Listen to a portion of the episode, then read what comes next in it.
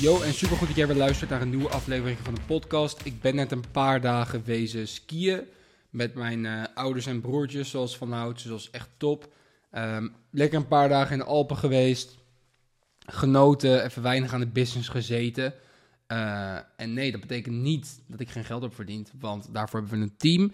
En daar wil ik binnenkort echt even een podcast over opnemen van... hey, hoe zorg je nou voor dat je gewoon echt E-players aantrekt... Ehm, en een business om je ideale lifestyle heen bouwt en niet andersom. Waardoor je dus ook kan skiën ehm, zonder te werken en alsnog gewoon knaken kan maken. Want dat is natuurlijk waar het leven om draait. Ehm, dus daar ben ik het team sowieso heel dankbaar voor. Dat we gewoon de systemen, processen zo hebben staan dat ook zonder mijn fysieke aanwezigheid de business gewoon kan, uh, ja, kan doorgroeien. Maar dat is eigenlijk niet de reden waarom ik deze podcast wil opnemen. Dus heel kort, lekker geskiet. Was ook even goed voor me. Ehm, als ondernemer zitten we best wel vaak in een, in een soort rush. Um, en door er dan gewoon even een paar dagen helemaal uit te zijn, natuurlijk wel wat kleine belletjes en zo gedaan. Maar je snapt wat ik bedoel. Niet van uh, eh, 7 uur s ochtends tot 12 uur s'nachts op mijn laptop, zoals normaal. Bij wijze van spreken. Um, nee, was wel echt even goed. Dus uh, daar sowieso echt van genoten. Ik deed me wel een beetje schrikken dat. Uh, dat mijn twee broertjes ineens sneller gingen dan ik de eerste dag. Dus uh, dat was even bijspijkeren voor me. Ik ben natuurlijk een paar jaar niet geweest, omdat ik uh, veel aan het reizen ben, veel in het buitenland zit. Um, maar ja, het was alleen, maar, uh, was alleen maar top. En de reden dat ik deze podcast vandaag wil opnemen, is omdat iets schoot mij ineens te binnen. Ik ben echt net wakker. En ik moest ineens denken aan iets wat ik, wat ik meemaakte in de, in de skilift. Dus ja, als je nog nooit op windsport bent geweest, ehm, ik ga niet zeggen je moet op windsport, je weet niet wat je mist je mist wel wat, maar uh, je hebt vast van die irritante collega's op, uh, of vrienden op je, op je werk zitten. Um, dus ik in die skilift. En ineens ving ik een gesprek op. Kijk, ik ben niet iemand die gesprek gaat zitten afluisteren van andere mensen. Vind ik persoonlijk echt heel irritant als mensen dat bij mij doen.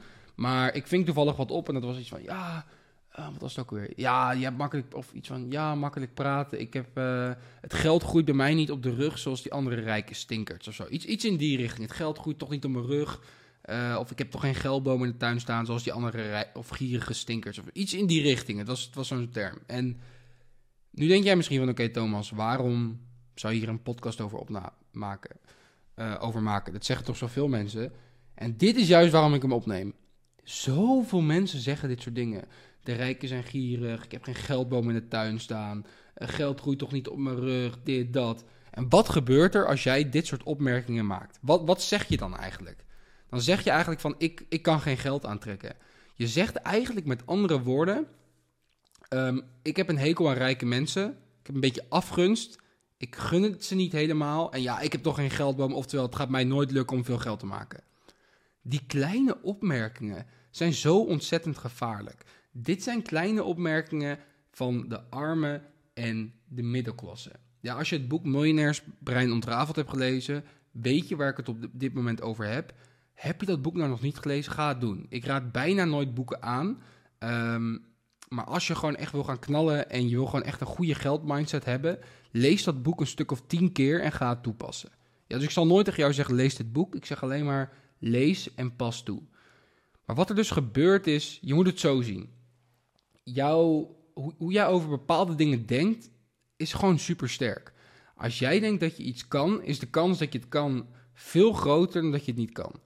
Als jij dromen hebt, moet je erin geloven. Dat is gewoon, dat is gewoon één. Je moet het gewoon voor je zien. Als jij niet voor je ziet dat jij die succesvolle online business runt, als jij niet voor je ziet dat jij uh, een succesvolle, gezonde vader wordt later bijvoorbeeld, de kans dat het dan gaat lukken is gewoon, ja, is gewoon veel minder klein.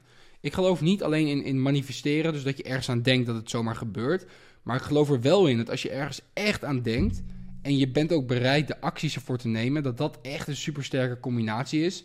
Um, dus niet echt de law of attraction, maar meer de law of action. Weet je, als je gewoon actie onderneemt, maar daarbij geloof je wel echt in hetgeen wat je aan het doen bent, denk ik gewoon dat dat een hele sterke combinatie is.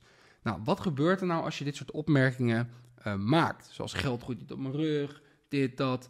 Dan zeg je eigenlijk, dit past niet bij mij en ik, ik, ik stoot het een beetje van me af. Ik leg het heel ver van me weg. Want je moet het zo zien, jouw mind, jouw gedachte, is een soort, ja, soort magneet. Je Je trekt aan wat je denkt. Je trekt aan wat jij zegt. En op het moment dat je dit dus gaat doen, trek je het dan aan of juist niet? Inderdaad, juist niet.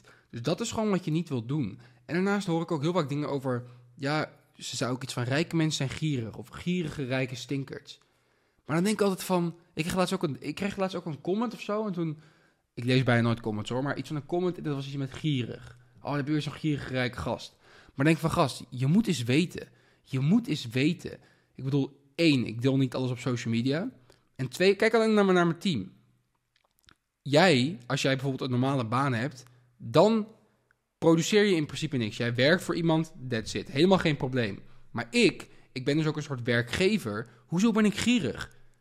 Ik heb allemaal mensen aan het werk. Allemaal mensen kunnen via mij, met mij, sommigen ook dankzij mij, een boterham eten. Snap je? Dus mensen begrijpen niet hoe en wat, maar mensen nemen simpelweg dingen over. En de kans dat jouw ouders dit misschien ooit hebben gezegd is heel groot.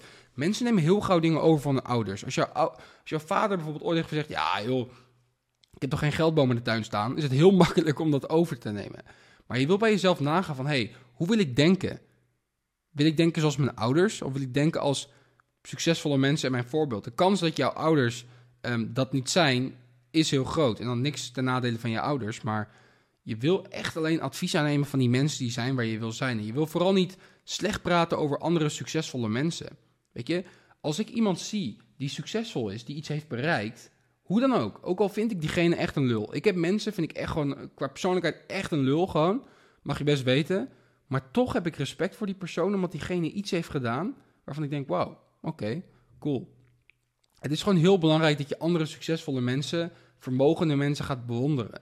Dat je niet denkt, ah, gierig dit, oh, hij is arrogant, oh, dit, dat. Er valt altijd wel iets te zeggen over iemand. En het gaat niet om die paar dingen die je, die je, die je niet tof vindt aan die persoon. Het gaat misschien om die 1, 2 trademarks, 1, 2 dingen die die persoon doet, die hem hebben gebracht waar die vandaag de dag is. Waar je wel wat van kan leren. Waar je wel tegenop kan kijken. Waar je wel van kan denken, wauw. Weet je wel?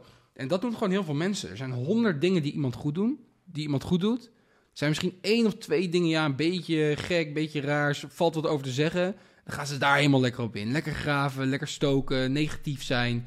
Terwijl er eigenlijk 98 dingen zijn die die guy of vrouw gewoon heel goed doet. En goed voor elkaar heeft. En, en daar hebben we het niet meer over. Ja, dus ik citeer volgens mij, en dat is... Rijke mensen bewonderen alle andere succesvolle mensen. En de arme en de middelklasse, die, um, ja, die eigenlijk altijd wat slechts te zeggen over mensen die verder zijn dan jij. Valt het je ook op dat er tijdens verjaardagen en, en, vroeger in, oude vriendengroepen op school best wel vaak slecht wordt gepraat over bepaalde mensen? En valt het jou ook op dat het eigenlijk nooit de mensen zijn die minder ver zijn dan jij? Zijn altijd de mensen die iets hebben bereikt in hun leven die dingen te horen krijgen. Hoge bomen vangen veel wind. Is gewoon zo. En je wilt daar gewoon niet in meegaan. Je wil maar eens opletten hoe vaker slecht wordt gepraat over succesvolle mensen. Je moet maar eens opletten. En waarom doen we dat eigenlijk? Dat doen we eigenlijk door te zeggen van ja, um, door slecht te praten over die succesvolle mensen, geef ik een soort reden waarom ik daar nog niet ben. Een soort, soort excuus waarom ik daar nog niet ben. Ja, ja, als je rijk bent, dit, dat, arrogant. Zo van, ik heb een excuus om dat niet te zijn. Terwijl voor heel veel van die mensen, als jij slecht praat over andere mensen, zegt dat eigenlijk eerder iets over jezelf dan over die andere persoon.